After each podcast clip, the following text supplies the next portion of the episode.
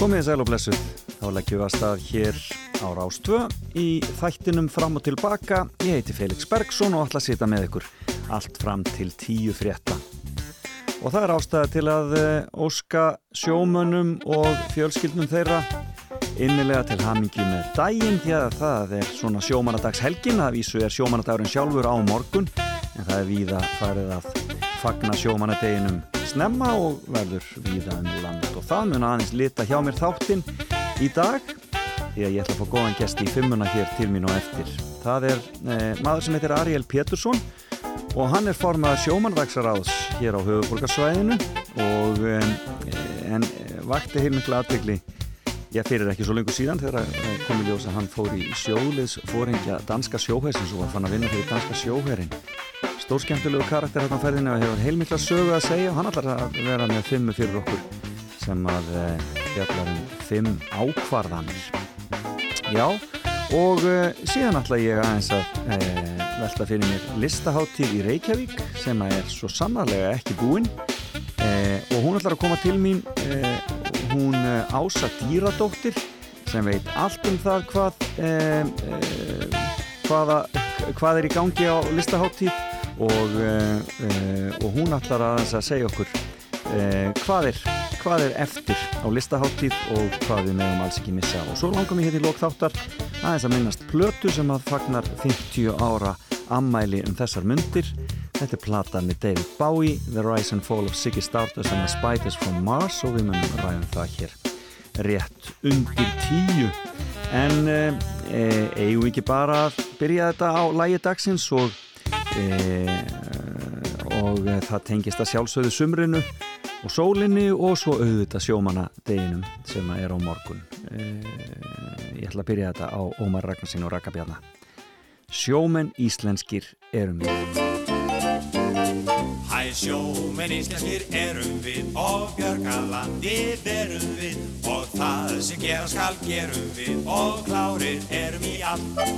Og segðum úr djúpunum segðum við og feikna penni veiðum við. Og allir hýrunni eigðum við í fagrar flinkur og vín.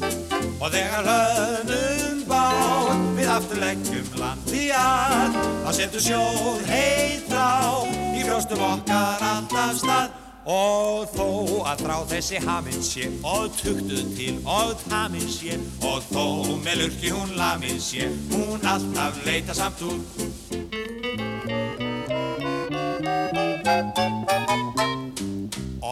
öllum syngum við unnum þá og guggum já og gunnum já sem standa töfrandi tunnum hjá og salta síldum á kraft.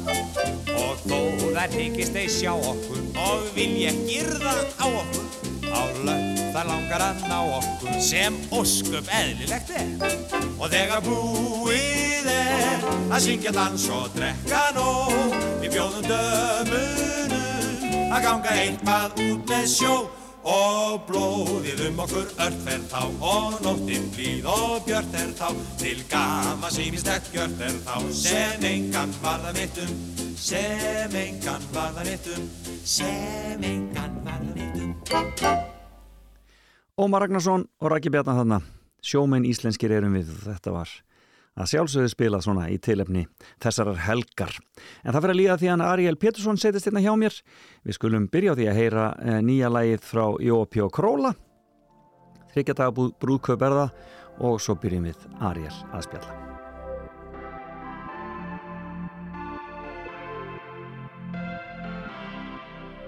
Koma mamma og pappa óvart með því að ganga frá húsinu Láta kjána lega, heima vinnuna.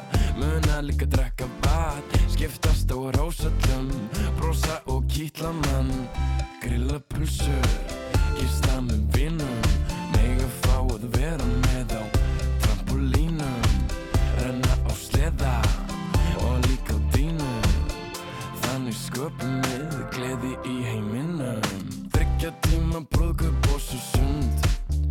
Vera úti sengt og klappa dýrunum. Var í útileik og kannski aftur sund. Bara eiga góðar stundir, bara góðar stundir. Þryggja tíma, brúka bós og sund. Vera úti seint og klappa dýrunum. Var í útileik og kannski aftur sund. Bara eiga góðar stundir, bara góðar stundir. Þið breyfi kleði með að brosa, gefa gafir gott að sofa Far í sumabústa, syngja telja stjörnurnar að ofan. Hjálpa fólki ekkert stríð. Halda frið og eignast vinni Fari í tölvuleik og fimmleika Og hugsa mjög vel um sig. Leika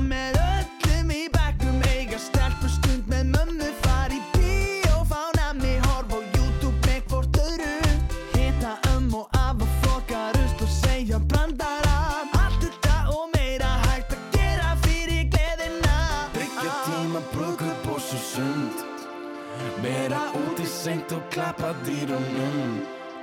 Fari út í leik og kannski aftur sund. Bara eiga góðar stundir, bara góðar stundir. Tryggja tíma brúðkaup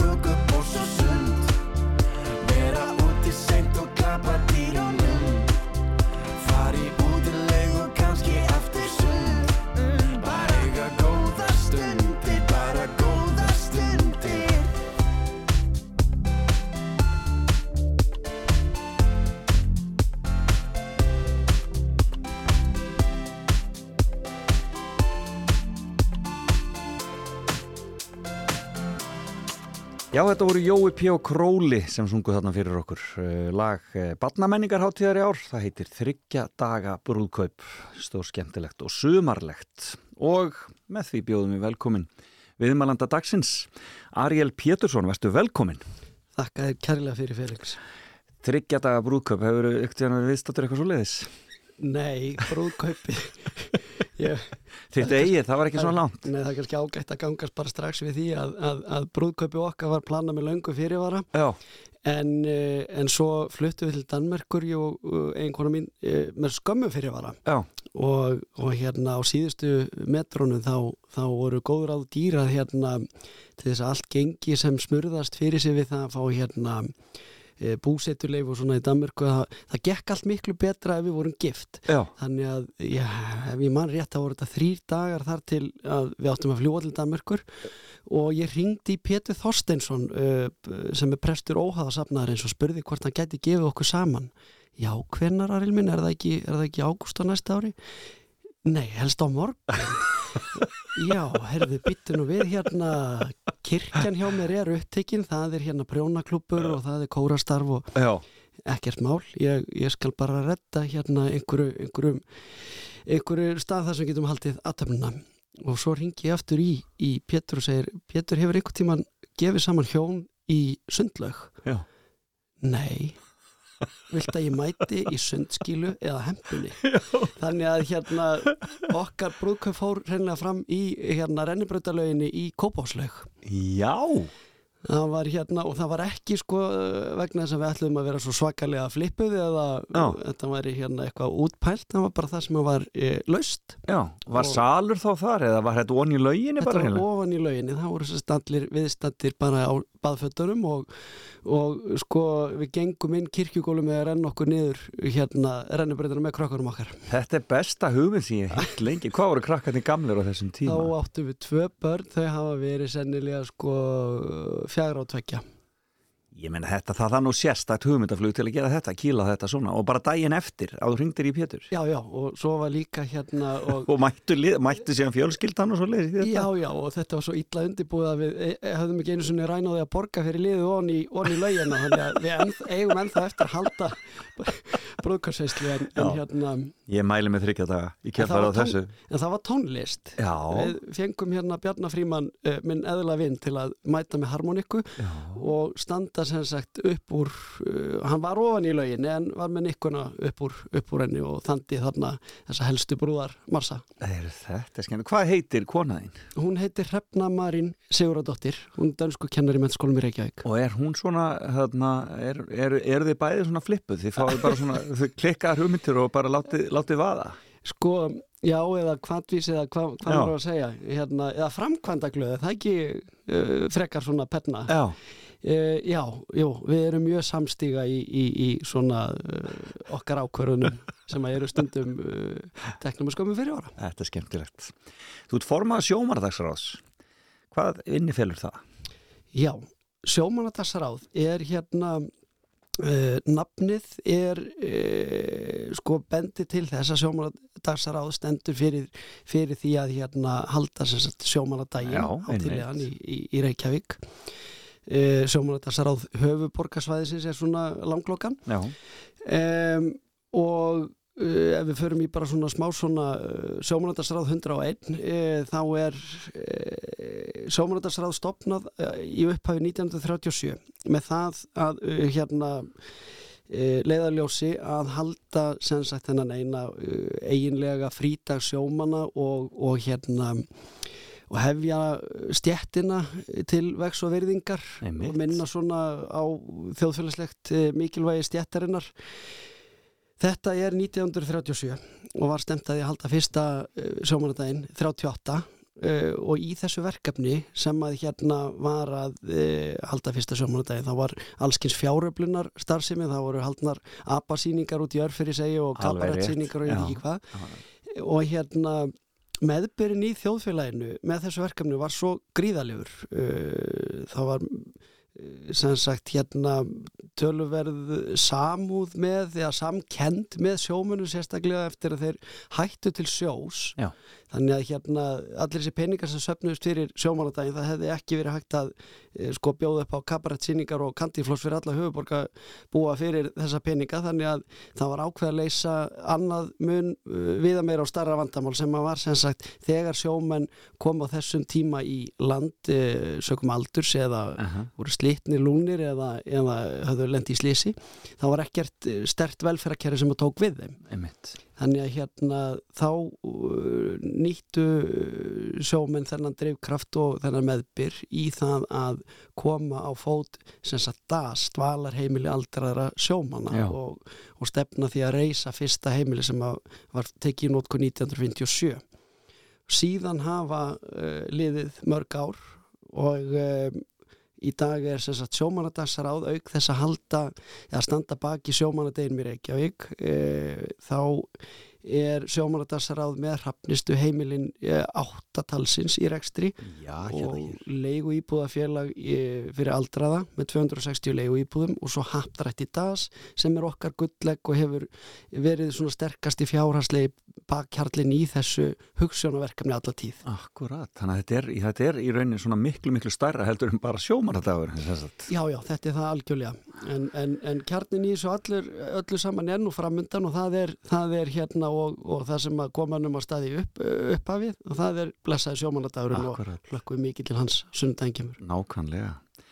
Já, og þessi helgi öll er orðin bara ein stór hátíð uh, út um all land, ekki bara sunnudagurinn heldur lögadagurinn líka, en við förum aðeins betur í það og eftir. Það er fimmanni og við rættum heilmikið um hvað, hvaða fimma gæti eh, hérna, henda þér og við rættum ímislegt, en við enduðum í fimm ákvörðunum sem er skemmtileg fimma sem að ég held ég hef nú eitthvað að fengið áður en það er orðið öruglega svolítið langt síðan.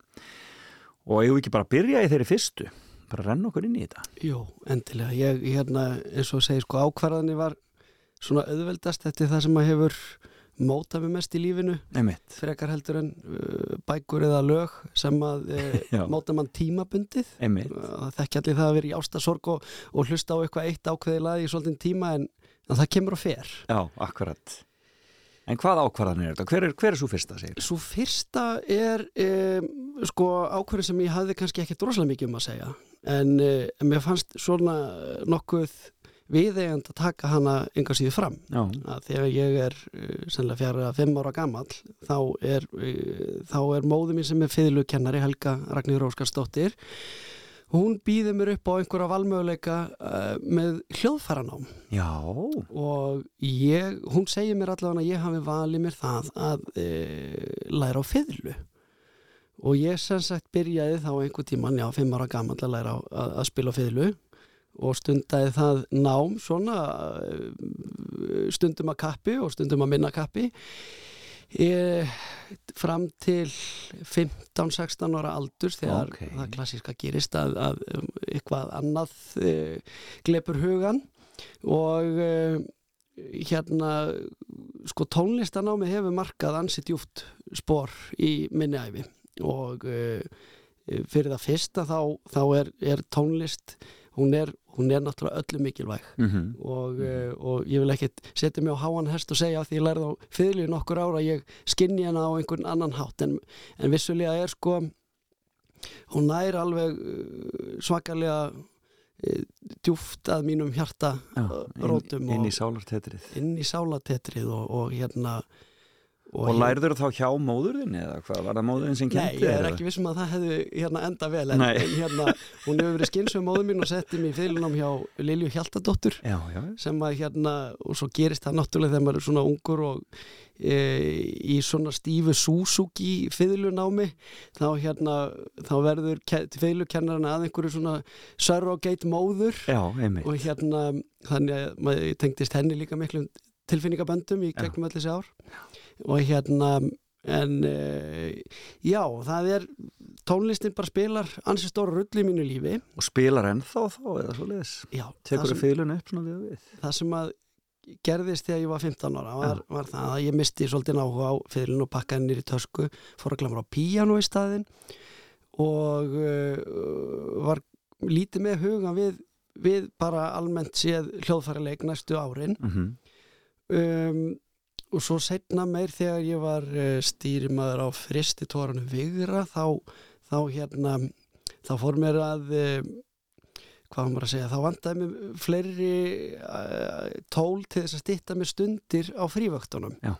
þetta er nú þannig á, á sjó að þannig var ég annars stýrimaður að, að vinna sem sagt 8 tíma vaktir og 8 tíma í frí og Mhm. þessar frívaktir það er takmarkað hvað maður getur hort af hérna, sjómasefni eða lesið og, og, hérna, og skrafa við aðra um borð. Einmitt. Og þá fór ég að taka með mér harmonikk um borð sem er hafði áskotnast.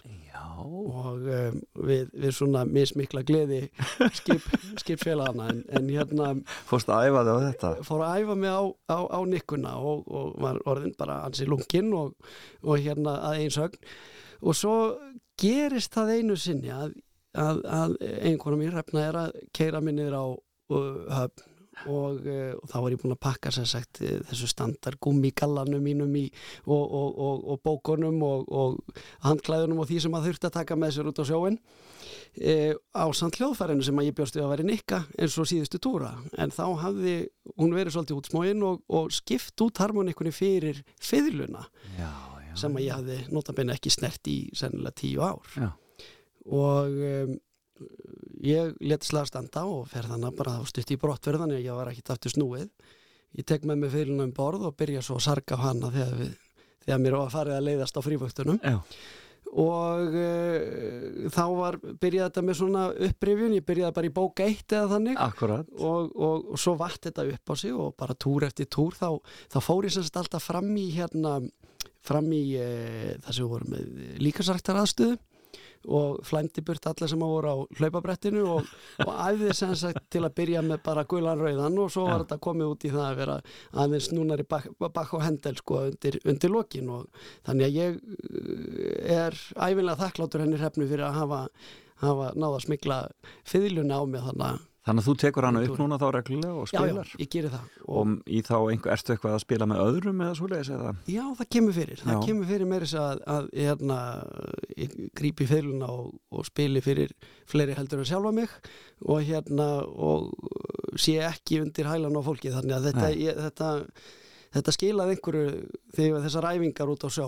Og svo, er, svo eru börnin mín líka sko tvö elstu þau eru komin í feiluna á Suzuki, Suzuki. Já, þannig það er mjög svona rík tónlistamenning heima. Frábært. Skemmtilegt, þannig að þið spilist undir saman þá þið þrjú? Já, já, við gerum það og hérna, það er mikið, mikið svona um samspil og, og ég sé það líka á krökkunum að þau eru að ganga í gegnum það sam og ég sko, það þarf ímis kvartningarkerfi og svona til þess að halda með efnið og þetta er ekki alltaf dans á rósum en, nei, en hérna eins og var hjá mér en ég er mjög þakkláttu fyrir þetta. En Suzuki gengur svolítið út á hérna, þáttöku fóreldra það ekki? Eða svona Jú. í öllum pakkanum? Jú, maður þarf að vera mjög uh, helgaðu þessu hlutverki Já. til þess að fara með börnin í Suzuki tónlistunum stundum aðeins svo mikið en Já, akkurat, svona er þetta. En fóstu aldrei neinar íþróttir þá með þessu eða varstu- var það tónlistin bara sem átti þinn hug? Sko ég hérna, það má segja að ég hafi eiginlega farið á mis við hið síðanenda sko, við, við íþróttina. Fyrir utan það að ég bý e, að því að, að mínum að, að, að hafa verið e, í fimmleikum í ykkur nokkur ár sko, Já, já, já. bara sem krakki þrjú, þrjú fjögur ár. En, eh, en, en svona hópíþróttir boltaíþrótti það var bara Var ekki, ekki þinn. Hvort, hvort, að ég, hvort að það hafi verið mitt frum hvað að sniðganga þær eða fóraldra minna, ég þekki það ekki. Nei, akkurat. Heyrðu, hver er næsta ákvörðun? Þetta var fiðlunámið, Þetta var fyrirnámið fimm ára. Já, svo gerist það e, milli bekkja þegar ég er í mentaskólanum í Reykjavík eftir sem sagt fyrsta ára, eftir þriðja bekkin í MR þá, þá tók ég ákvörðun sem að ég hafði svo sem fyrirmyndir að faði minn hafði farið sem skiptinni milli bandaríkina og bróður minn eldri hafði farið hafði farið til Brasilíu. Já, og um, uh, svona flestir skynsamir einstaklinga fara og læra tungumál sem að uh, skila þeim eða er, er, hvað maður að segja er, er relevant Já, í íslensku um, umhverfi. En ég ákvæmst að fara sem skiptinni með til Rústlands já og ef við leggjum sko allt til hlýða sem að það er hérna þá uh, það er hörmungar sem að eru núna í gangi í Rúslandi þá, þá á þessum tíma 2004 ferið til Rúslands þá var það, þessi ákvörðun hún var, hún mótaði mig ansi eh, mikið. Hvar Um, varstu þá í, í landinu? Ég var mjög heppin Mhm. og óheppin Nú. með lendingastað Nú, ég að sjálfsögðu sá fyrir mér að ég myndi vera í henni sko vestrænu og klassísku borg Santi Pétursborg og sótti sérstaklega um það. En mér var útluta sem sagt fórstu fjölskyldu í Nýsni Novgorod. Eh, ég sé á svipnum á þér að þú ert jafn hissa á allir aðri sem ég nefni borgina við. Já. það er fymta stærsta borg Rúslands ok.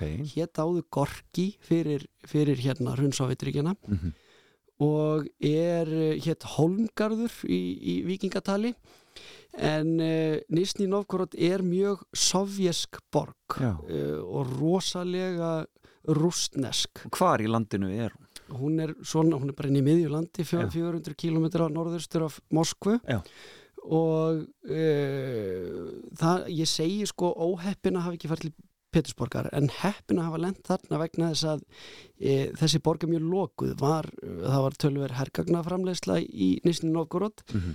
sem gerir það að verkum að e, blöndun við e, og, og túristaströymur og blöndun við útlendinga var ekki neinn þannig að ég bara neittist til þess að læra rústnesku frá degi eitt þannig að ég læriði þarna rústnesku og ég læriði fyrst og fremst líka að standa á einn fótum og vera ekki sko þetta er rosalega góð og heilbri leið til þess að sparka fugglum eða sko ungum úr hreðrinu já. Að fara sem skiptinemar 17 ára. Já, inn í mið, mið, mið, miðjur Úslandi inn í miðjur Rúslandi Skemmtilegt þannig að þetta breykaði Og hvernig var fjölskyldan? Hvernig var fjölskyldan sem þú varst hjá þar? Var, varstu hjá sömu fjölskyldun allan tíman? Nei, ég þurfti nú reyndar að skipta uh, fyrir fjölskyldan var hérna var hérna, þar var uh, geðpríðin ekki upp á marga fiska uh, hjá, hjá hérna fjölskylduföðunum. Þannig að ég fekk uh, inni hjá annari fjölskyldu sem var svona alveg klassísk líka þess tíma hérna rúsnesk fjölskylda fæðirinn mann á sólarhingsvöktum í, í hérna í versmiðu svo þegar hann klukkaði sig úr vinnunni þá, þá byrjaði hann á, á vodkaflöskunni og kom heim og, og hérna held áfram með flöskunni þetta var indælis fólk og um, þó að kallinn hafi verið svolítið gefin fyrir sopan þá var hann alveg stórkostlega eða var stórgóðu við mig Já.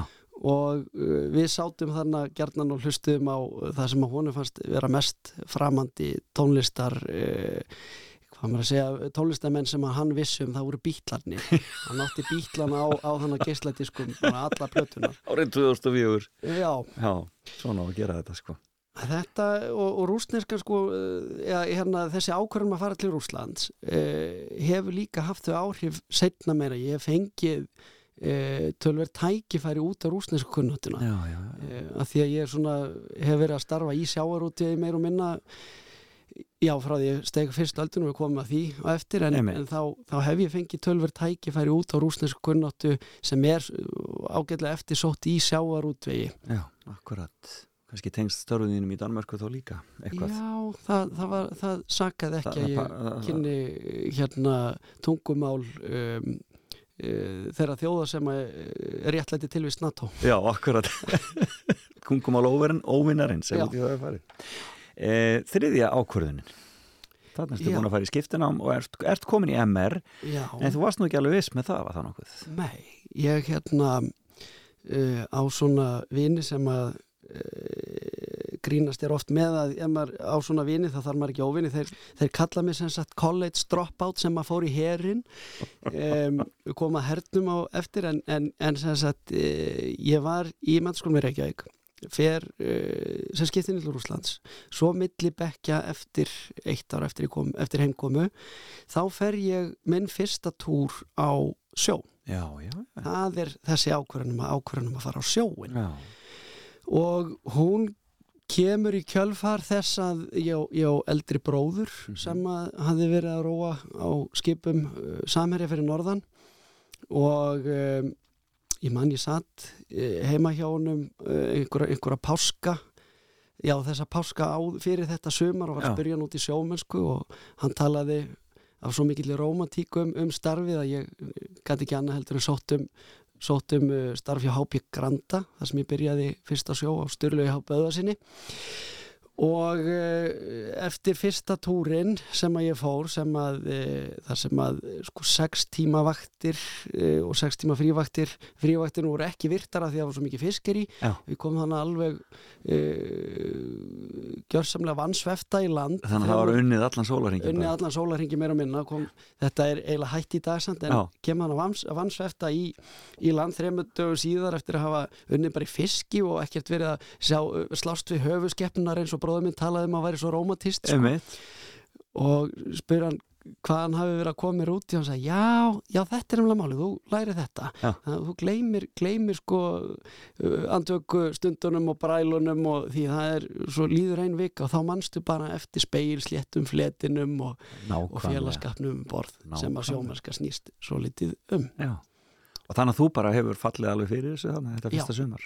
Ég fjall alveg kolfjall fyrir, fyrir sjómennsku. Það er, það er hérna, þetta er skemmtilegur uh, starfsvettangur. Uh, það, er, það er svona ákveðin, um, hvað mér þess að liðsheild sem að er sem að er þannig borð sem að ég fór kannski að misfið þannig í einmitt. en hérna eh, það er rosalega góður starfsandi heilt yfir á allir skipum sem ég hef verið á og, og, eh, og þetta er svona sambland heilbritt samband þess eða heilbritt blanda þess að vinna með kollinum og í höndunum Já. að, að, að, vera allan á tógara sko. Já, akkurat. Þannig að þú ert komin hérna á kafi þetta bara í rauninni sumarið sem þú ert 18 ára eða Já, svoleiðis. passar, 18 ára gammal og svo, svo lendi ég og það var ímislegt hérna mjög jákvætt sem að hafi mótandi áhrif á mér á, á sjó. Ég hætti til dæmis að vera matvandur. Ok. ég uh, held fram að því að ég borðaði ekki fisk til dæmis. En uh, með, með hérna með góðum kokki sem að kokkar eru ykkur hópa á sjó þá hérna þá lærði ég að hérna, vera ekki kresin. Og um, Hafði verið sjómerka í fjölskyldinu svona fyrir utan bróðin? Menna, langafi minn. Hann var, hann var á sjó um, ekki, ekki neitt uh, steiktur á milli ekkert í kringum því þannig að öðru leiti. Nei, og ég er náttúrulega sko eins mikið Malbyggsbarn og fyrir finnst Já. alveg, alveg þóttekta reykvíkingur og, og hérna Og hva, í hvað hverfi ólstu þá við? Jólst uh, var að hluta til nýri miðbæ Vestbæ Já. en lengst af í Vogakverfi Já, einmitt. og hérna og flestir í kringum mann fara þá bara í grafíska hönnun eða Já. viðskiptafræði eða eitthvað en, en það er þetta þessi tilviljun sko, og ekki tilviljun þessi ákvörðun sem að leiti til þess að ég fór á sjó e, fyrsta sumar eða ég prófaði þetta og bara virkilega fann mig í því Frábært. E, þetta var þriði ákvörðin. Já, Ég var að taka smá pásu og hlusta á einn Kim Larsen. Kemur nú í ljós kannski betur og eftir hversin það verðum hlusta á hann. endilega Hér er Susan Hemingway.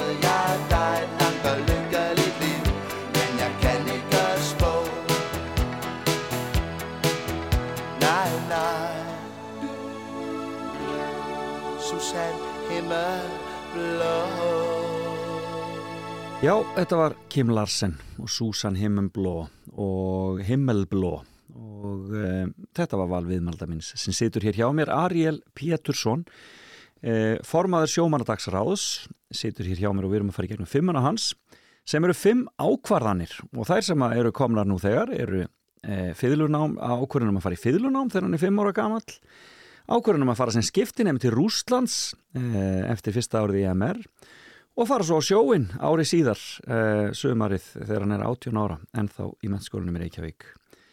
En hver er fjórða ákvörðinu, Ariel?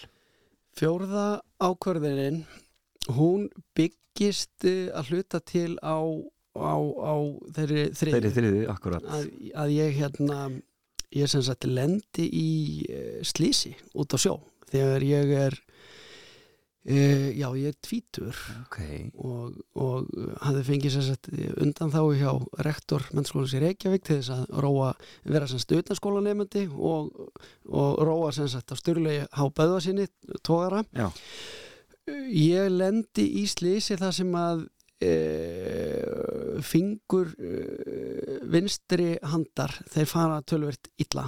Alveg þannig að ég þurfti að fá e, skull með þyrlu í land og, og hérna það þurfti að tjastla saman.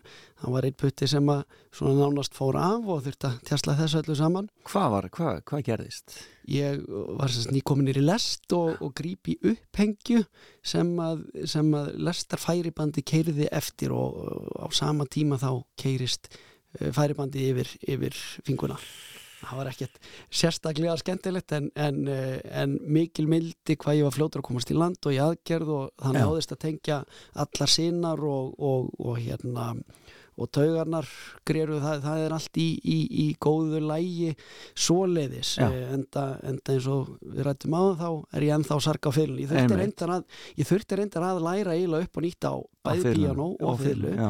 að því að e, vísifingurinn hann er hálftón herri á fylunni og eiginlega sko, hál, eiginlega hálnótu lægri á píanónu Akkurat, það er svona, svona að, að, að það fer á aðra staði en það gerði áður sem Já, sagt í rauninni. Akkurat, já hérna og var þá síið eftir þér og svo leiðis, var þetta alveg, alveg það svo var- leiðis pakki þetta bara. var í fyrsta skipti sem ég fekk að fara í þyrlu fyrsta Já. skipti að mörgum en, en hérna e, en alltaf meira gleði efni þegar ég fari í þyrlu eftir þetta Já. en hérna þetta var til þess uh, að stórum hluta að um, drífa mig að taka ákvörðum að fara í stýrimannaskólan Já, einmitt. ég hafði sem sagt gengið með það í manum tölvört lengi, þetta er notabenni fyrir hrun. Og þá þótti ekki droslega fínt að vera í e, allavega í mínu nærum hverju þá að vera í einhverju yðnámi eða, eða fara í stýrimannaskólan og þetta var gjarnan þannig að ég viðræði þessa hugmynd að fara í stýrimannaskólan, fara úr mennskólum í Reykjavík, ekki verða tannlæknir eða, eða hvað hvað sem er og hérna gerast e, stýrimaður þá, þá, þá var oft hérna með viðmóti það að ég væri svona að taka stefn út á óbeinu brautina. Já, þannig að hérna þegar ég slasast þá, þá hjálpar uh, þetta mér uh, að vera með svona krambúlerar hendur að taka það ákvörunum það að geta farið upp í brú uh, á einhverju tímabúndi og stýrt skipin og ekki og hættu að hérna flækja hendunar aftur í, í, í lestinu vegna þess að ég var greinilega ekki færum að komast hjá því. Nei, akkurat. þannig að ég fór í stýrimannaskólan byrjaði honum uh, hausti 2007 Já, og hérna til að byrja með að því að þarna var uh, ennþá 2007 stemning í þjóðfélaginu uh, það var tölvört erfitt að manna skipa á þessum tíma því að gengi krónum var það hátt og sjómið fá greitt uh, á fiskiskipum eftir í erlendri mynd einmitt. og uh, þá, þá var þá var svona, já þegar ég var að hitta gamla uh, samnefndur úr mennskólum í Reykjavík sem að voru þarna einmitt að hefja nám í háskóla Auðvitað. Og var að spyrja mig ég, ef ég var á öldurhúsum bæjarins á kaffibarnum uh, mætti einhverjum gamlum bekkjabróður sem að ja, bekkjasýstu sem spurðu hvað er þú að gera í dag Ariel ég er í stýrimannaskólanum. Og þá var það alveg bara eins og ég hefði tekið eh, hérna tekið upp uh, tekið kverkataki svona spaugfuglin eða, eða hvað maður að segja stemningin alveg drast við þetta. Já, akkurat. var, vildi enginn heyra neitt meira um stýrimannaskóla Nei, akkurat. En ég fór að taka eftir ákveðinu munstri að, að hérna að e, þeim lengri sem að titillin var á, á sko háskólanum en maður var í sko auðlinda og pönnuköku, nei auðlinda og markasfræði Já. þá hérna e, og sérstaklega enn lengri en það þá, þá var, þótti það merkilegt og þá, þá hérna heyrði maður aðra að segja frá þessu og svo þriði ég sagði já, segðu mér endilega meira og ég var einhvern tímann í Vesturbælaun og mér var litið á korktöflu þar sem ég sé svona auglýsingaplagg fyrir hérna opið kvöld hjá háskólanum, kynningakvöld á samnorrænu meistaranámi í öldrunafræðum og mér fannst þetta svo spauðilegt, þetta var svo langu títil Já. ég skildi hann ekki að hérna næst ég fór á kaffibarinn þá og var spurður Alil, hvað, hérna, hvað ert þú að gera, hvað fórst þú að læra? Uh, ég er í samnorrænu meistaranámi í öldrunafræðum áhugavert, segðu mig meira. Þannig að hérna þó ég hafa nú ekki verið að fara með rétt mál þá eh, enda ég reyndar á uh, einhverju hluta vegna eh, þá svona kallt henni örlaðana þá enda ég í því að vera í formensku sjómanandarsræði sem Já. er e, svona eitt starsta aflið í öldrunum þjónustu á Íslandi. nákvæmlega, skemmtilegt. En, en hvernig leiði þér sko en, en þú, þú tókst þá ekki, kláraði þá ekki stúdendin eða hvað í MR? Ég, hann náttúrulega kom uh, með stýrimannaskólanum Já, þar, þar kemur stúdensprófið, já. Það kemur stúdinsprófið þannig að hérna, ég kláraði það sem að heitir e, farmannapróf eða, eða sem sagt e, fjór, fjórðastí nei fyrir ekki þriðjastíið e, sem að er ótakmörkuð réttindi. Einmitt. Þá fór ég Og þér líkaði vel hérna í þessu námi? Já, alveg svakalega vel og, og, og einhvern veginn átti ekki, átti ekki erfitt með að fylgjast með eins og ég átti kannski þegar ég var í MR að sóna út þegar var verið að tala um gilvaginningu eða annað en, þá einhvern veginn átti stýrimarskólinn alveg uh, hugminn allan Skemmtilegt, já. Þetta er, þú er eins og fiskur í vatni ef við getum orðað þannig fiskur í vatni sko. Frábært og, og þú útskrifast þaðan Já, og, og, kemur þá sí- fimmta ákvörðun eða hvað? Já, ég get hérna eh, komið að fyndu ákvörðunumlega núna. Ég, ég sem sagt eftir eh, hérna stýrimarsnámi þá er ég á þá er ég á uh, fiskiskipu meir og minna fram Mhm. til 2017 Og þá sem skipstjórnandi eða sem stýrimaður sem stýrimaður, ég var uh, undirstýrimaður endur á Vegra Já. og hérna en ég sem sagt var já, á Vegra þar sem að ég var hann að sarka á fiðluna og Já. þennja nikkuna og, og árið 2017 þá þá uh, tek ég ákvörðun sem er eiginlega fyrst tekin á konu minni en þess að konu mín tók ákvörðunu það eftir kennarháskólan að fara í framhaldsnám til Danmerkur og, og, og sem sagt eh, fara í það nám sem gerir henni kleift að verða bara dundur dönsku kennari Einmitt og uh, ég tek ákvörðun í kjölfarið um það að fara í uh, officeranám eða fara í sem sagt sjóliðsfóringja skóla danska sjóhersins í Kaupmannahöfn. Og uh, þetta er líka svona, eða svona síður, síðari tíma í mínu lífslaupi þá er þetta nokkuð mikill vendipunktur í mínu lífi að hafa farið í sjóliðsfóringja skólan ég eins og okkur Íslendingum er eðlislægt er uh, að upplægi frekar óagaður og óstundvís um, og, og í þessum skóla og, og í þessu umhverjan náttúrulega uh, lærði ég gríðarlegan aga og, og stundvísi sem á nefna og, lærði bara virkilega mikið á sjálfa mig bara á líkama og, og sál Var þetta fysiskt nám svolítið? Eða... Þetta var ekki eins og ég hafði séð í hillingum einhvern veginn svona romantíst eh, eins og er í amerísku þar sem að hleypur einhvern veginn á strönd með einhverju fimm öðrum og þeir að bera einhvern 100 kíló að trjáp, trjáp. en að því að þetta er eh, ekki sko neitt sérsveita nám eða neitt þannig þetta er bara sérsveita þjálfum, þetta er bara sjóliðsfóringjanám, þetta er Já, er bara stjórn, stjórnendanám. Þá, þá var þetta að stórum hluta til bóklegt í blandu verklegt e, sko í grunninn er þetta þetta er bara svona áþreifalegt nám í stjórnun í mannuð stjórnun í áallanagerð í e, strategi og, og svona já Áhugavert. Já, Og hvað er þetta langt? Hvað var, hvað var þetta? Er þetta tveggja ára nám eða eitthvað svo leiðis? já, þetta voru slétt tvö ár af því því að ég hoppaði hana yfir helmingina náminu með því að vera með skipstjónumentun fyrir. Já, Það er lengra fyrir þá sem að koma semst, ekki með þann bakgrunn. Og þetta voru tvö ár og það eiginlega skiptist í tventa fyrra árið var uh, svona, þú veist, almenn herþjálfun og, og hérna og svona meiri uh, siglingar og, og, og, og, og svona, hvað maður að segja verklegt, en, en setna árið það var, það var miklu meira bóklegt, Já. það var bara akademist uh, náma háskólastíi já. Og er, fylgir þetta þá masterskráða eða eitthvað slíkt? Nei, nei, það fylgir þessu bara svona diploma í, í, í svona hér akademíu Já, fræðum en, en, en í kjölfæri ferði það að vinna fyrir danska sjóherrin eða ekki? Jú, ég tók uh, í kjölfarið við uh, ég fóði við fluttum reynda til Íslands og uh, okkur auðnaðist þriðja barn uh, út í Danmörku Dásamlegt. Og við fluttum heim í kjölfarið til að vera nær uh, tengslanettinu það er ekki hlaupið að því að fá uh, pössun og annað slíkt þegar maður er ekki með ömmu og afa nálægt sér í, Ná. í Nákvæmlega. En uh, þannig að við fluttum heim til Íslands, ég, ég var í stuttan tíma hjá landhelgiskesslunni, einhver, einhverja þrjá mánuði á meðan vorum að koma okkur fyrir, uh, sem var reyndar alveg gríðarlega skemmtilegt að kynnast uh, þeirri stopnum sem að er að stórun hluta sambarileg Já. Uh, þeirri dönsku, en uh, svo fór ég í, í hérna, tók ég stöðu sem að herinn bauð mér sem yfirstýrimaður á sem sagt eh, þessum eftirlitskipa flota sem að siglir hérna norður frá Já, já, já. sem að margir hverju þekkja af bryggjur undum í Reykjavíkur höfn það er. Tríton og Veðurinn og allt þetta sem, að, sem að ég sem sagt, stóð, stóð í brúnni á og, og uh, sildi mikið á Grænland og Færiðar og, og, og svo reyndar líka höfðu yfirleitt áharna skipti hérna í Reykjavík Dásamlegt. þannig að það var mjög góðu tími Og hvernig líka þeir að vinna með dönunum? Var þetta hvað, í þessu umhverfi?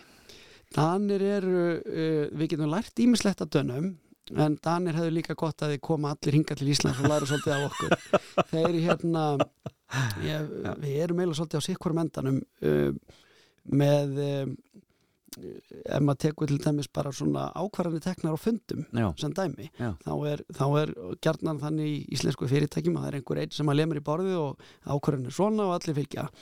Og hérna, en í Danmörku þá er, þá er það þannig að það sitja tíu við borðið og það þarf þar hver og einn að í kortir að svona presentera sínar sína nálgun og, og svo tekur kannski tvær vikur að komast að einhverju sameilir í niðurstöðu þannig að millivegurinn gullni e, milli íslensku og dansku leðarinn að það er það sem að ég sé sem eitthvað mjög effektív eitthvað mjög eftirsóknarvert. Já, já, Frábært. En þeir fjölskyldan eru alveg sestað hérna heima, Já, sagt. já. Og, og haf- hug- hug- hugið ekkert aftur á neinar, neina Danmerkur dvöl eða svoleiðis. Nei, það, Nei. Er ekki, það er ekki stefna núna ég er bara í fullu starfi hjá uh, sjómanadasaráði um, sem, að, sem að hefur þetta fjöla þetta hlutverk og kona mín er komin í uh, fullt starf sem dönsku kennari í MR þar sem að ég sleitt uh, úlingaskónum í Já. smá tíma og, og hérna Var, var það kannski þar sem þið kynntust eða svoleiðis á sínum tíma? Hvar, hvar? Nei, Það var ekki svoleiðis? já, kannski hérna, maður ætti að kalla þetta sem einhverjum svona bónus ákverðin að hérna, það er, það, það er náttúrulega svo giftusamlegasta ákverðin sem ég nokkuð tíma tekin, það var að hafa samband við, við eiginkonu mína og, og hérna vissi af henni og, og hérna og böðin á stefnumót og hérna e, áttum bara sameiginlega vini, bara svona klassíst íslensk var og, vel gert. og hérna og Þannig að þú dróst djúft andan og ringdir. Já, það má segja það sko og, og, og úr því kemur uh, hjónaband hjá okkur og, og, og sambúð sem að hefur varað í meir en áratug og hérna og við erum þremmu börnum ríkari og það sem að e, einhvern mín hefur gef, gefið meira bara gríðarlega hafmyggsamt líf Frábært, gott að heyra. Þannig að þið, það, þið kynntust heldur ekki í hérna, sundlögin í Kópavóinum. Nei, nei tengingum var ekki Tenging var ekki slík. var ekki slík sko Þetta er samt skemmtilegasta brúku sem ég heyrst um nokkuð tíman. Það er algjör snild. E, síðan eh, er það bara sjómaradagshelgin. Hún er runnin upp og um, mikið í gangi. Uh, Allar að fylgja eftir allir dagskráni sem verður í gangi í, í höfuborginni Ég ætla að reyna, reyna að gera það sem sagt að taka þátt meinar Já. Já ég, mun, Ferði í kottaslægin og allan pakkan ég mun ekki taka þátt sjálfur í kottaslagnum því miður uh, en uh, ég mun reyna að fylgjast með en hérna það er, það er ansi stíf dagskrá hjá mér á sjómanadaginn sjálfa það er, það er annars vegar er þetta svona uh, hefðbundin hátíðadagskrá sem Auðvitað. er sko minningaratöfn við í Fossfosskirkjugarði klukkan 10, það er svo uh, hátíðarmessa í Dómkirkjunni klukkan 11 og svo heiðrunar aðtöfn þar sem heiðraðir verða sjómenn fyrir björgun mannslífa og farsarstörf til lands, nei til einmitt. sem að verða heiðraðir í uh, hörpunni klukkan 2 Já. og, og svo er það hins vegar hátíðar, já svona skemmtun og afþreyingin sem að verður út á, út á grandanum á, á bæði sviði og eins og kottaslægurinn og reiptóg og, og uh, hérna bryggjusprellið sem er svona leikvöldu búin til úr afgangstimbri og, og einhverju sem að einhverju reköldum. Uh, þar sem að ég mun taka beinan þátt í er klifurkeppni sem að verður fjögur. alveg þá er sagt klifurhúsi sem ég sjálfur byrjaði nýlega að, að, að stunda. Það er svona hálft ár síðan ég byrjaði að glíma við þessa klifurveggi það uh, klifurhús mun sem sagt reysa fjallháan klifurvegg á, á nýrabryggjunni og, og keft verður í sagt einum móti einum í svona tveimur leiðum sem eru hlið við hlið og uh, þeir sterkustu munu ná að klifra alla leið upp á topp og koma, koma störri í land. En ég gerir fastlega ráð fyrir að vera í þeim hópi sem að dettur Dettur í Já. og svo er, svo er það er bara alveg ótrúlega fjölbreytt dagskrá, við leggjum mik mikla áherslu á þetta sé uh, sko fræðsla Já. og uh, leikur fyrir alla fjölskylduna. Uh, og svona sjómennsku skotið uh, flest að þessu. Um, en jáfnframt líka með svona nýmóðinshætti við erum með Bríeti og við erum með Val- Valdimar og við erum með Ávastakoruna Latabæ, og, Dásamlegt.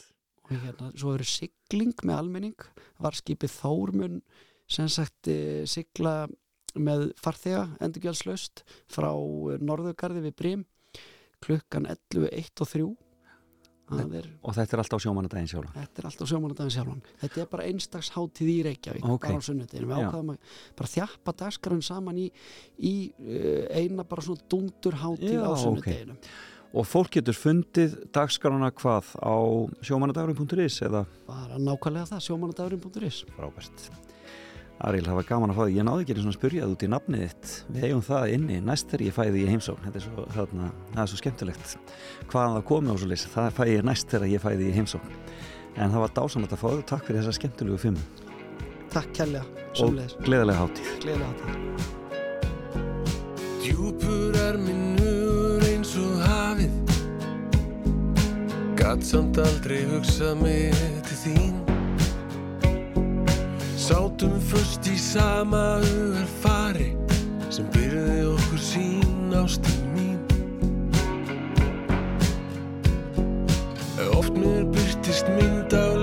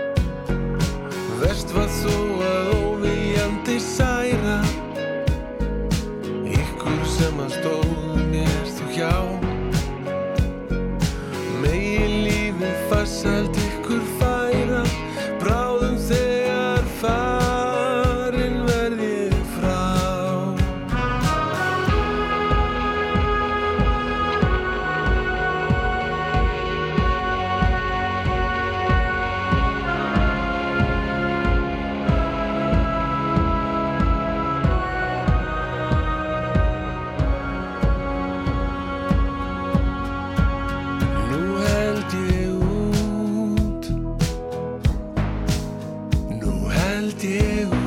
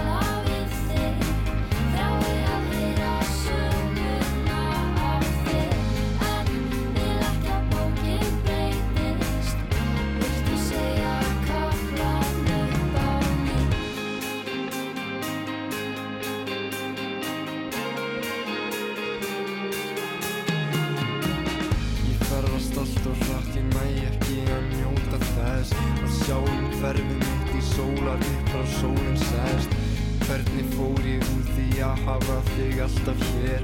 Vil skiptum gýr því bílinn þarfast látt á rundan mér. Næ ekki að tengja saman snúriðnar í flækjunni Kveikt á rungu ljósi og þú barst þegar ég leytir því Vona innileg ég geti alltaf hort tilbaka Lesið gömlu línurnar og lifa þetta alltaf nýtt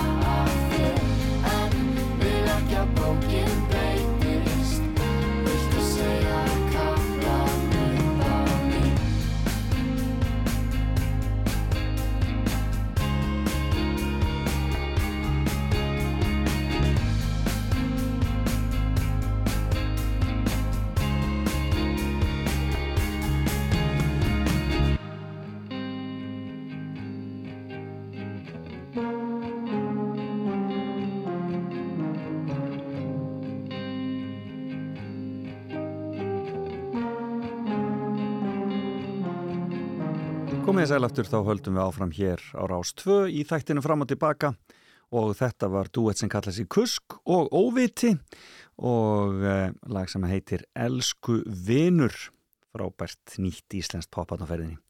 En ég verð nú að leiðrætta eina, ein mistök sem mér varða á hér í morgun. Ég fór að kalla eh, lagið með Jópi og Króla þryggja daga brúðkaup, það er nú ekki rétt hjá mér, það er þryggja tíma brúðkaup. E, þannig að það svona, já, ég, ég var aðeins að klúðra þannig í morgun og að tala um þryggja daga brúðkaup en svona er þetta. En e, e, það var hins vegar gaman að það kom sund kom ekki við sögu í læginu líka. Það verið gaman að fara í sund og svo var ég bara gaman að fara í aftur í sund. E, e, og e, það var átti mjög vel við þegar ég talaði við hann Ariel Pétursson í morgun og hann sagði mér frá brúðkaupinu óvænta hjá þeim hjónum þegar þau bara skelltu sér í sund og uh, hann Pétur hjá hóðsöfnuðinum gaf þau saman í Kópaváslauginni. Stór skemmtilegt fólk greinilega hann á ferðinni. En hann var semst gestur minn í morgun en ég fæ hér gest eftir góð, góðan gest eftir smá stund. E, það er hún e, Ása Dýradóttir frá Listaháttíð sem ætlar að koma til mín og segja mér aðeins af því sem að eftir er á háttíðinni miklu og uh, það er nóg eftir og uh, engin ástæð til annars en að skella sér á einhvern skemmtilega listviðburð listaháttíð Reykjavík, það er háttíð í bæ og dásamlegt að hún sé komin aftur með svona miklum krafti. E, og svo síður þættinu þá ætlum ég að fjalla um þessa plötu sem er 50 ára nú um þessar myndir og mm, hefur mikið, hefur haft mikil áhrif á popsöguna. Það var í þessari viku fyrir 50 árum sem The Rise and Fall of Ziggy Stardust and the Spiders from Mars með David Bowie kom út og við heyrum aðeins af henni hér og eftir. En ef við ekki að halda bara áfram aðeins með tónlist og hvernig væri nú að fara aðeins í, í e, sjómanalögin svona í tilvæmna þessari, þessari helgi og e, finna, eitthvað, finna eitthvað skemmtilegt sem að, e, sem að tengist, tengist sjómnum og, og sjósókn. Hvernig væri þetta til dæmis?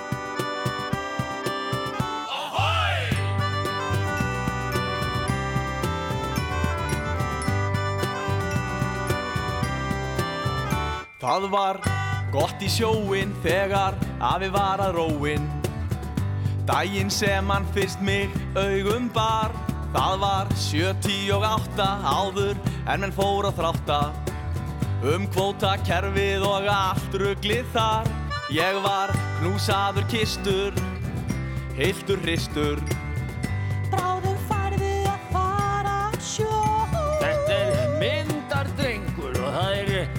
fengur fyrir okkur að eignast nýja ablakló. Fyrir gefðu afi Maggi Fyrir gefðu afi Akki Mig langar bara ekki á sjó Fyrir gefðu pappi Mamma Fyrir gefðu tóta amma Ég verð aldrei ablakló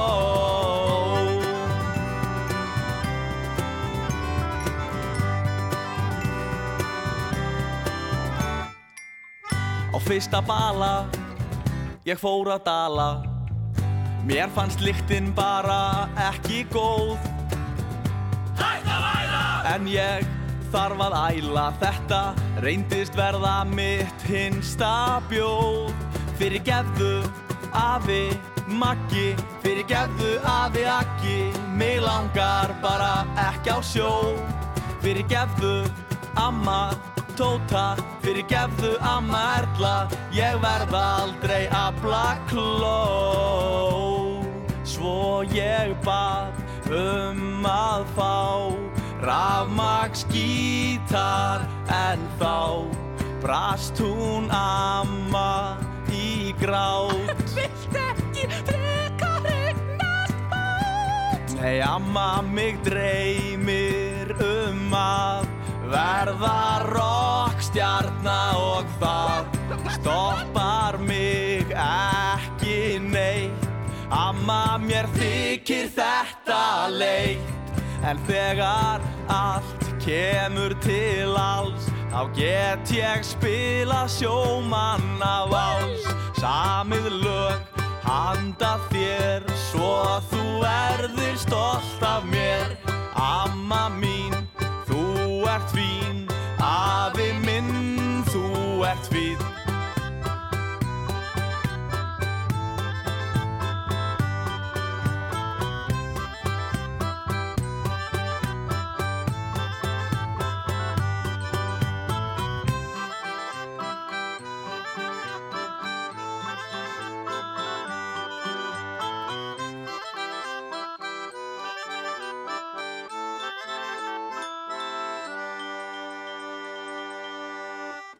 Ert að hlusta á Fram og Tilbaka á Rás 2.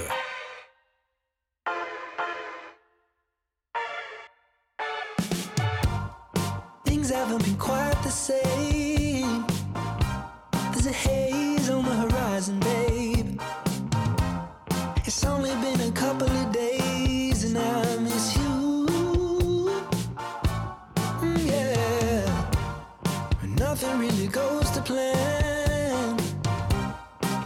You stub your toe or break your camera.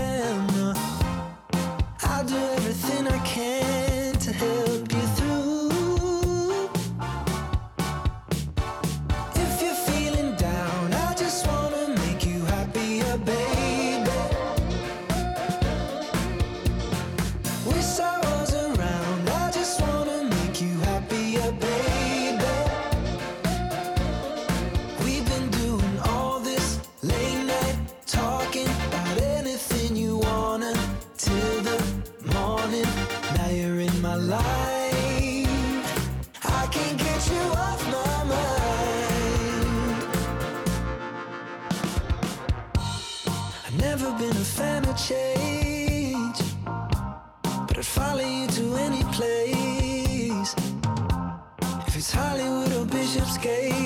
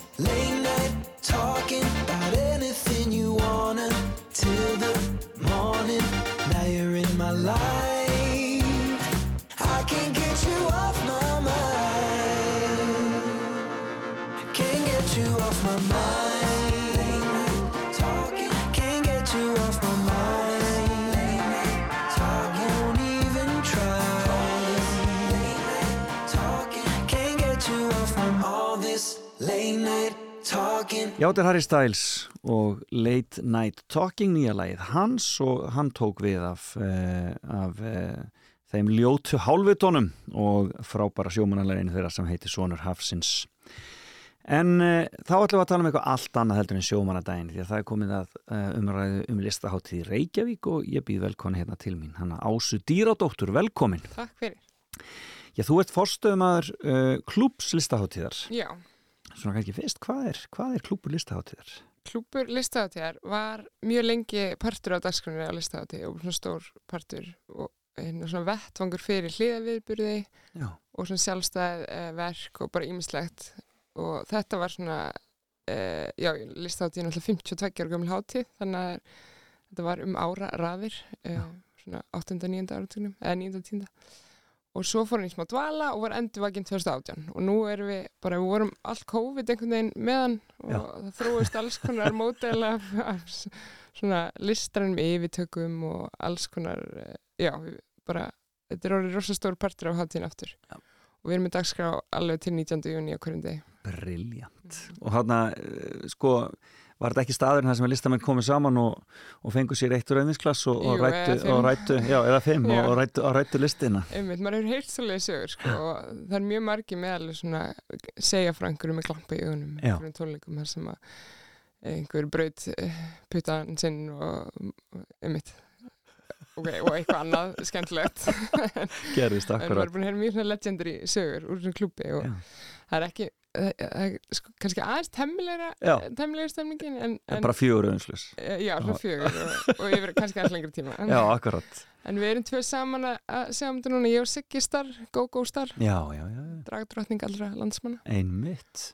og þar sem ef, þetta er búið þróast yfir svolítið svona vettvang fyrir bara, sko rauðþráðurinn er bara allt sé ókipis og að, öll velkomin, bara allan tíman Briljant. Og þetta er í yðnó sem þeir eru með Já, þetta er og Já. allan tíman og uh, Og hvað erst að bjóða upp á eins og hvað, meina, hvað er núna til dæmis næstu dag núna á, í dag og lögadag til nú, dæmis? næstu daga eru til dæmis uh, það er yfirtaka í dag með Rec Arts sem eru uh, hópur sem svona beitir sér fyrir svona hvað segir maður svona réttindum og sínileika minni hlutahópa í sviðslistum og tónlistum Já, á Íslandi, ok, þetta er massa dæmi og það Ok. eru með bara megaprogram allan daginn og það endar í partíum kvöldi sem er variety show sem við erum með drag, við erum með ljóð, við erum með bara allt þar á milli, bara tónleikar með ateria og alls konar Þannig að húsið fer, að þakið fer af, af, yðnó sem sagt í kvöld. Einmitt. Og morgun er eins yfirtökuform þá, sérst, yfirtökur eru þegar listhópa taka yfir dagskrona heila dag einmitt. það er aðalstemningin sko.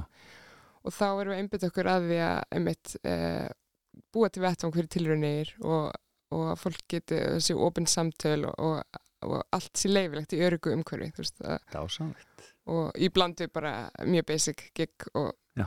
það, það allt saman en það er svona þungamiðan í ár og svo erum við með um, já, bara í næstu viku erum við að frumsýna Möru sem er mynd eftir Sóma þjóðar leikkompin Já, já, já. og bara ímislegt, það er rosa mikil dagskrá, hveit allir til að fara bara inn á heimasíðuna Já, og er það bara heimasíða lista á þeirra rauninni þar sem að Já. hægt er að finna þetta. En, en, en er ekki bara allir velkonni? maður bara getur roppa inn í Jú, rauninni? það er bara opið hérna allan daginn og Já. það er, eh, ef það er ekki eitthvað að gerast þá er er eitthvað alveg að fara að gerast Nákvæmlega, það er bara svoleiðis Já, og, og það er náttúrulega bara er þá kaffihús og svoleiðis líka á Já. staðinum og þannig einmitt, það er bara rekstur og Frábært. En ef þú ætti núna, ef, ef, ef að þú að hlusta, væri að hlusta og fram og tilbaka og hérna, sætir heima og, við, og þú hefðir möguleika að fara að sjá einn eða tvo viðbyrði það sem eftir er listaháttíðar til 19. júni.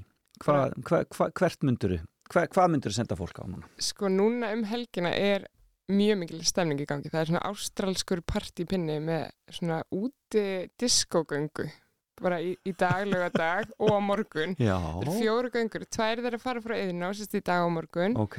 það er í daglega dag kljóðan eitt og svo frá Hallgrímskirkju kljóðan þrjú og sama á morgun og þetta er eitthvað alveg výrað En er það tengið það eitthvað sem sirkus, sem ástralska sirkus sem síðan er í gangi? en það er eitt einmitt sem ég ætla að nefna þau eru núna um helgina Já. einmitt í dag og morgun Í þjóðleikursun? Í borgarleikursunni, já. Þetta er, vistu eitthvað, þau trúa ekki á þingdaraflið og, og sína það í þessu verki. og Já, hérna hópin, eh, Verki heitir Simple Space og er emitt, já, ég held að séu tvær síningar á morgun og einn í dag. Og fyrir fjölskylduna alla þá? Já, hvað? þetta er frá sjö ára uppur og er alveg frábært emitt fyrir eh, litla krakka. Já, akkurat. Og-. Og veistu hvort það er meðan en þá til á þetta alls? Já, það eru til- einhverjir, það, er að, það er að fyllast fljótt í sætinu þannig að fólk Einmitt. er að drífa sig. Nú þarf að drífa sig, já, ná sér og þetta er allt inn á lista átíkundur. En hvað svo í vikunni? Er eitthvað, í Í vik- vikunni svona, er, er, er, er meiri hámenning í gangi þá? Það er, þetta er rosa góð blanda sko, það er mjög mikið að myndlist uh, í gangi, síningar sem eru búin að opna líka Það er uh, skarkriparsýning Díti Ró í Listamni Íslands. Já, Hann var vist að gera skarkripi. Ég vissi það ekki fyrir við tókum þetta verkefni. magnað. Og svo er Dörjen í Kling og Bang með, uh, eftir Ingeborg og Sigurðinsdóttur sem er mjög, bara mjög falleg myndlistsýning og spóra þræðir á kjærvalstöðum, útsuma sýning, það er bara ímislega myndlist í gangi. Já, og það er einmitt tí tilvalið að fara og, Já. og, og með fjölskylduna og fór sér kaffesopa og, og, og, og lappa á þessar sýningar. Já, og eitt líka, það er opnun í dag, tvíþætt opnun í gerðarsafni, Ok. glemdi henni. Já, í Kópavóinu. Já, það er Gáttin og Alda, það er tvær mismundi sýningar. Hvað með svona sviðslistir? Er eitthvað svoleiðis og tónlist í gangi í vikunni sem fólk svona getur náð sér í miða á? Já, það er sko loka helgin, semst næsta helgi Já. hún er algjör bomba líka Þa, það er alveg ótrúlega fjölbreytt og massíf dagskrá það er, það er allt neyri sko fyrir 16 mánuð Það er svoleiðis bara. fyrir, það er Dazzle Maze í, hérna, í Tjarnabjó Já. sem er svona upplifin og skinjunarsýning fyrir eh, bæði unga börn og svo börn sem eru á svona skinrófinu Já, og hún er leðislega, svo er Expat sem er Mickey Blanco, hann er, er svona pioneer í New York eh, í svona eh, bara gay senunni, bara mjög fl flottur myndlistar tónlistar eh, hán þar. já, ok. og ha- og hán er með sér eh, Samuel Acevedo sem er eh, hérna, hérna argentínskur metal eh, gítarleikari og þetta verður í Open á, á sundinu Býtu, hvað er open? Það er Gallery út á Granda, Gallery Open. Það er hérna, hérna í kreðsinu hjá kaffivagninum þar. Þannig að þetta er bara beint úr sem þetta hardcore New York Já, listaserinni. þetta er bara alveg Já. as real as it gets, sko. En, en svo, þetta er svo fjölbreytt, það er svo skemmtilegt við listaháttið. Það er bara, það er engin einhvern veginn, já, það fer út eins og völl. Já. veist. Við erum líka í stjörnu, hérna, verinu í, í Pe- Perlunni. Það er verið að sína Enigma sem er eh, verk eftir önnu Þorvaldsdóttur og strengja kvartindin eh, Spektral er að spila það og það vídeo eftir Sigur Guðjónsson sem var að fena í tvíringnum þannig að þetta er alveg bara út um allt og svo náttúrulega Emilian Turini líka Já, einmitt, það verður, það verður 19. Já. Það er, er það loka, það er loka viðbyrjun já, þar, þar verður gaman það verður æðislegt. Hver, hver, hver eru með henni, veistu það? Eh, það er The Colorist Orchestra það eru alveg risaband með, eða risa, já bara stort flott band með henni að þetta verður algjör, algjör veisla Og það verður eitthvað sem verður, já, verður, verður barist um meðan og gerir ég ráð fyrir. Já. Já. En í klubnum í næstu viku líka uh, rosa tónlistar stemning. Það er, er svona uppskýra hátíð grasróturinnar á Mhm. fimmtudeginu með Ólatagarði út á stættinum. Þau eru kúrið af því. Og geimleikar með DJ Flugvel og Gameskip og Heklu. Það er á, á mikudeginu. Og eitt sem ég hlifið búið Já, er endilega. krakkaveldi yfirtakan, 17. júni. Já. Er, já, fyrir ekki, og, og græsrútardæmi er sama kvöld og það. það. En krakkaveldi eru bara búin að prógramera dagskrá og þau eru að fara að snúa inn og bara á kvolf og þau eru ráð allu og ég er bara að operata fyrir þau. þau það Og hvað er krakkaveldi? Er bara... Krakkaveldi er svona samtök krakka sem vilja krakka ráði en ekki fullarnir og þau eru alveg frábær þau eru búin að vera með einhverju dagskrá í Norranna húsinu og, og þau vilja hafa kandiflas skúltúr og þau vilja láta nammyrkning og þau vilja koma í frekt fólk Já. og svo bara vera að retta þessu Já, akkurat. að Þetta verður eitthvað. það verður mellir 12 og 6 á 17. júni að Briljant. Ása, það var frábært að fá þig. Kæra þakki fyrir að koma og svona aðeins að, að, að hrista upp í manni. Nú bara, nú ríkum maður að stað Já. og ég hvet allir til að vera farin á listáti.is, komast að því hvað langt til að sjá og ná sér í miða strax. Mhm. Því að það er fyrir hver að verða síðastur. Þetta er búið áður en að það, það byrjar eitthvað neginn. algjörlega en ef maður á ekki pening þá kemur í klubin Já. Nákvæmlega. Kæra þakki fyrir spjallið. Takk fyrir mig Já. You are the king of pockets full of strangest things. You have a lighter, we light a fire. Or in any we were onto something major, wading through the mire, tripping on a wire. There's something in the forest coming from the sea, calling like the looms, it echoes through the trees. Oh, oh, we believe in love. Oh, oh, we believe in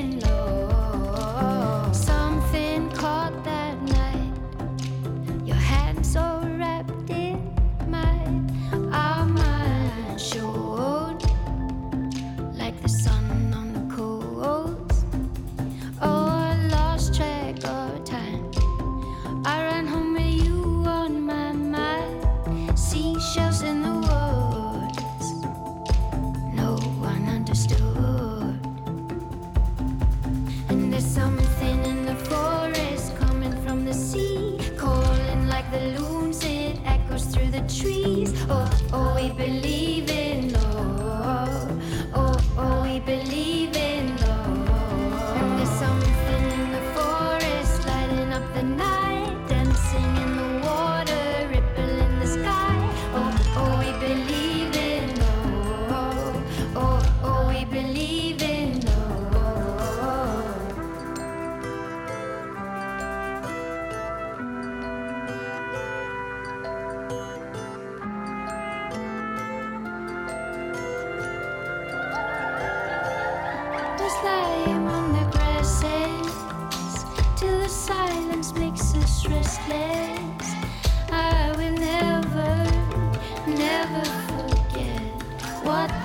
feel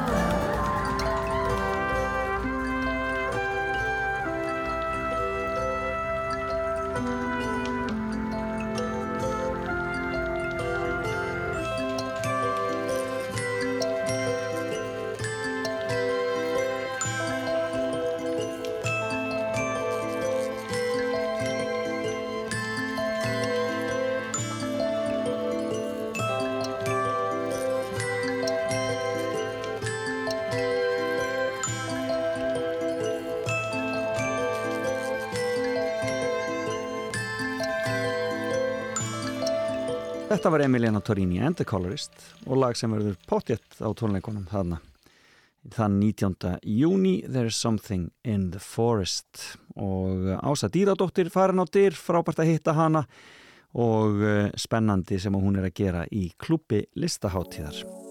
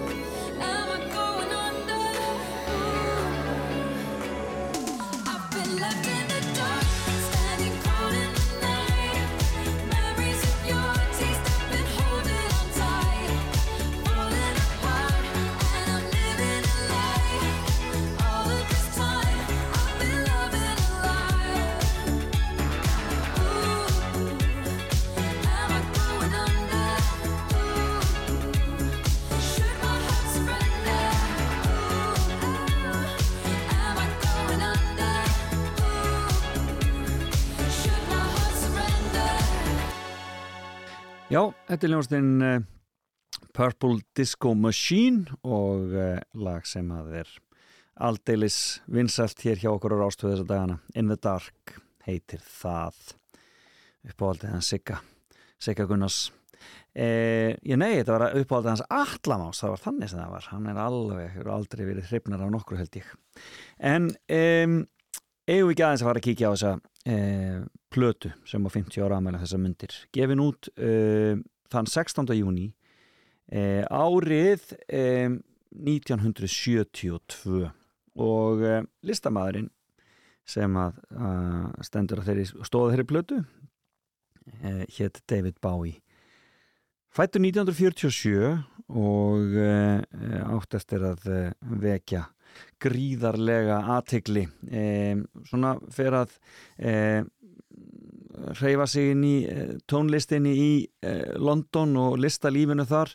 16 ára gamall, svona í kringum 1963 eh, og eh, svona fyrir að vekja aðtegli eh, og eh, The Rise and Fall of Ziggy Stardust and the Spiders from Mars sem er platan sem við ætlum að ræða hér sérstaklega um er fjóruða breyðskífan hans. En svona svo sem að kemur honum svona fyrst svona almennilega á kortið. En fyrsta lagið, við skulum svona aðeins heyra fyrst, fyrsta lagið sem að ég, hann kom inn á vinsandalista e, fyrsta lagið sem hann fór með inn á, inn á top 5 á breskalistanum e, það var þetta hér Space Oddity Ground control to Major Tom.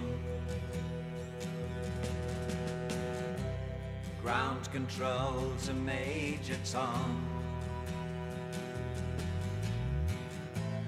Take your protein pills and put your helmet on. Ground control to Major Tom. Seven, six. Commencing countdown engines on. Three, two. Check ignition and may God's love be with you.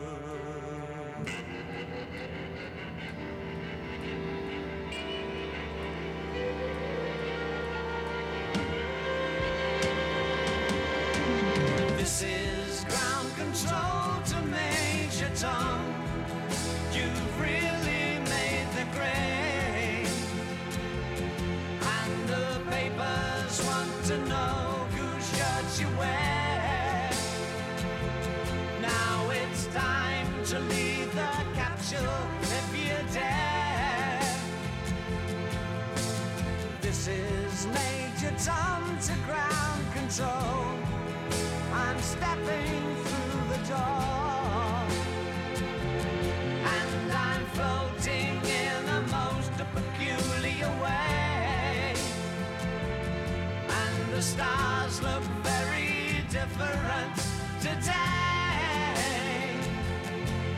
For here am I sitting in a tin can.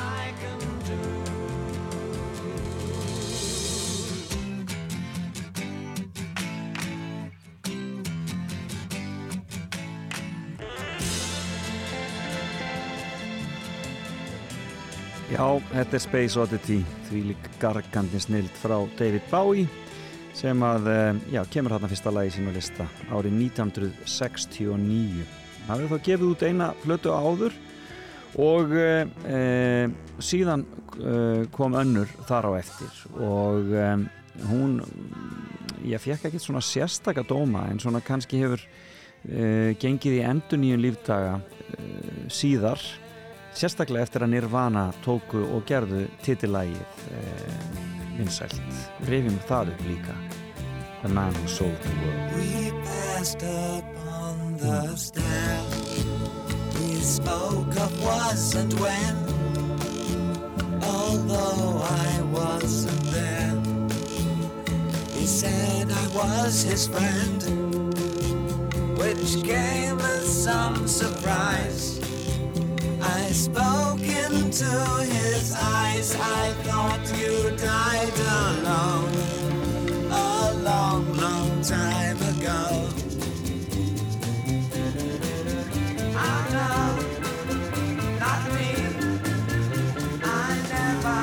lost control.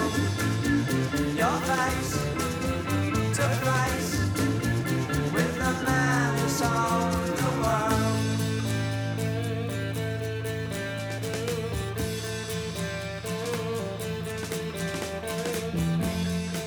Já, það verður ekki farið fram hjá neinum að þarna væri e, snillingur á ferðinni e, sem að áheyrðu. E, þetta er hinn Kornungi.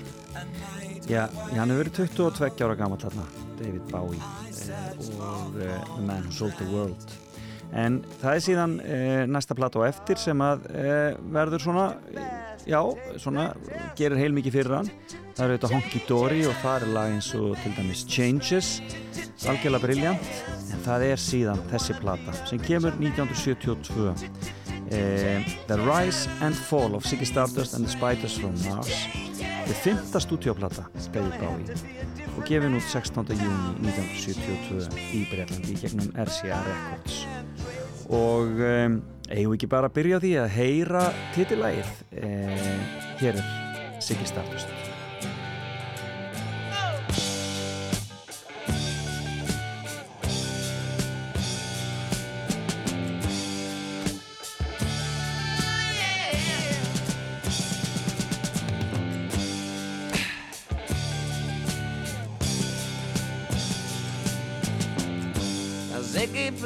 guitar, jamming good with Weird and Gilly and the spiders from Mars. They played it left hand, but made it too far. Became the special man. Then we were Ziggy's band. Ziggy really sang. Screwed up eyes and screw down hairdo Like some cat from Japan. He could lick 'em by smiling. He could leave 'em to hang. Became on so loaded man. Well hung in snow white tan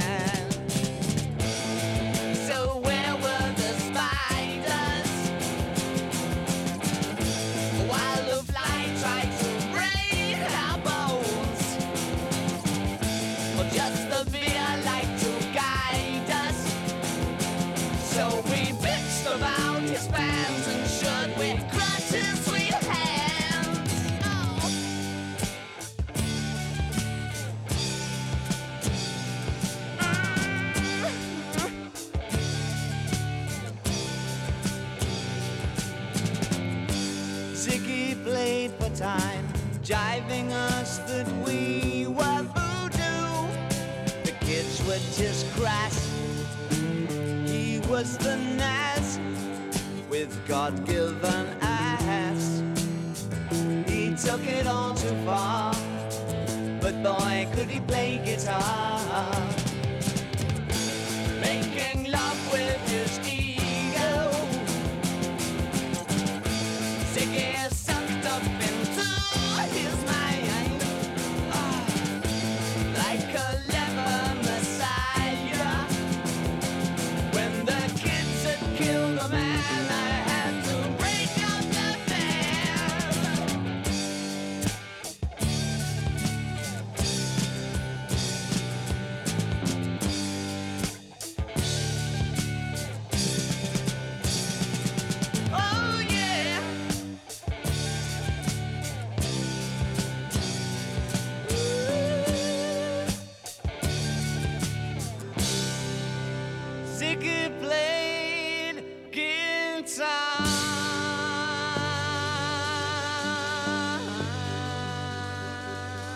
Siggy Stardust var það heillin og þetta var auðvitað, eh, já, titillagið að þessari plötu eh, sem að eh, David Bowie kemur með þarna fyrir nákvæmlega 50 árum síðan.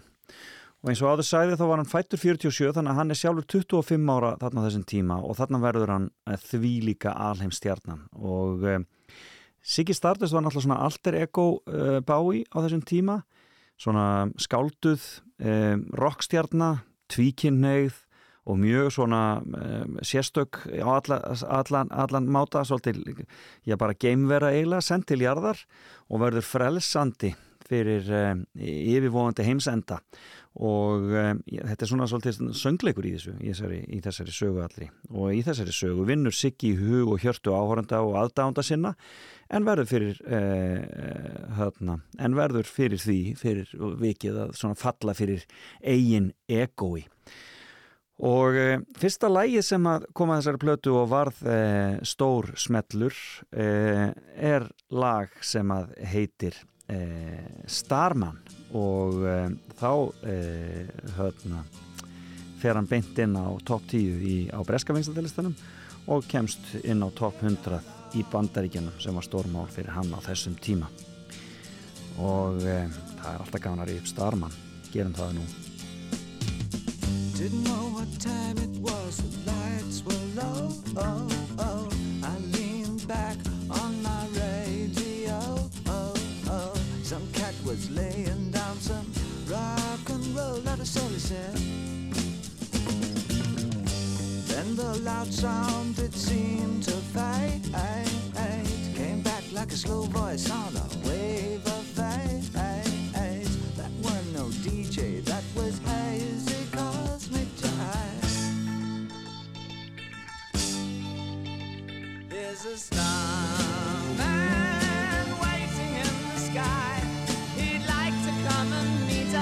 but he thinks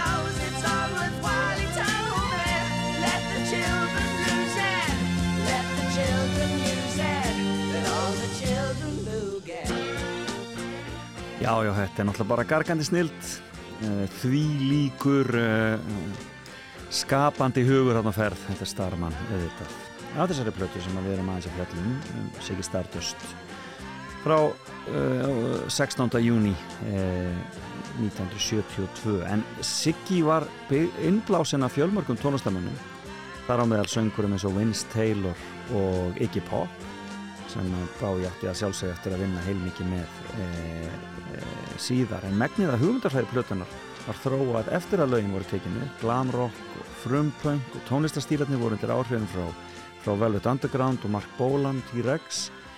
Og textatinni fjalluðu um gerfi rocktónlistar, pólitísk málefni, eitulífaneyslu, kynneigð og svo auðvitað að vera stjarnar þetta gekk náttúrulega allt svolítið út á það. Og plötuumslæði fræga, e, ljósmyndaði í einlita e, og var semst ljósmyndaði í svartkvítu og var síðan litað. Var tekið í London fyrir utan e, já, búð sem heitir K West. E, eftir á higgja er Siggi Stardust talið eitt af bestu verkum Bái og hefur komið fram á fjölmörgum listum með bestu plötur allra tíma og Bái var sjálfur með hugmyndir að söngleik byggðum á plötunni þó það hafa aldrei orðið að veruleika. Ekki sem ég veit með sko stað en hugmyndir voru síðan notaðar fyrir Diamond Dogs eh, og þessi plata hefur verið endur útgefin margsinnis og eh, já, talin ein af klassískum verkum í rock sögunni. Ákvæðlega mikilvægt verk og við skulum enda þessa stuttu umfjöldunum þessa frábæra plötu, ég er alveg viss um það að það verður mikið fjallað um þessa plötu núna næstu vikum hvar sem menn eh, koma eh, þá skulum við enda á frábæra lagi sem er eitt af mínum uppáhaldslögum með David Bowie og af þessari plötu, þetta er Suffragettes Ah,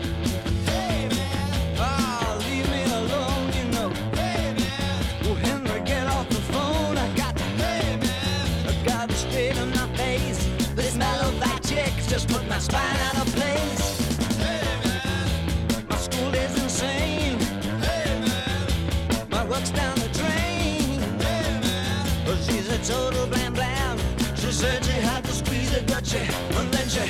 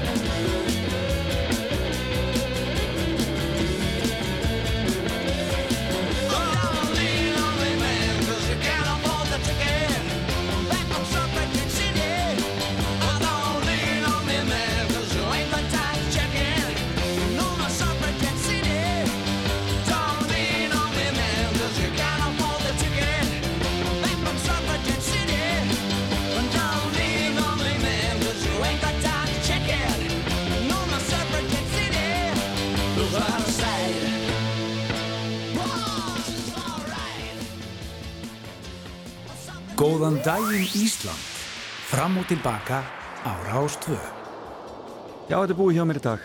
Takk ykkur fyrir samfélgina, kæru hlustendur, búið gaman að vera með ykkur. Gestur mín í morgun, formaði sjómanadagsráðs, Ariel Pétursson, nálega þess verið að hlusta á hann aftur og fimmuna hans. Eh, síðan fengum við eh, frábæra upprifin á því sem eftir er á listaháttíð og ég hvet ykkur til að fara inn á listaháttíð.is, finn ykkur það sem ykkur langar til að sjá og ná einhverju á þeirri frábæra háttíð og um, já, sjá svona eitthvað í lokin á listaháttíð og það var auðvitað hún Ása Dýradóttir sem kom hér og talaði um það. Og svo röpuð við aðeins um David Bowie hér í lokin. En við skulum enda á frábæru lægi sem að er vinsælt þessa dagana. Þetta er Unna Torfadóttir og lægi þennar sem heitir En. Takk ykkur fyrir samfélgina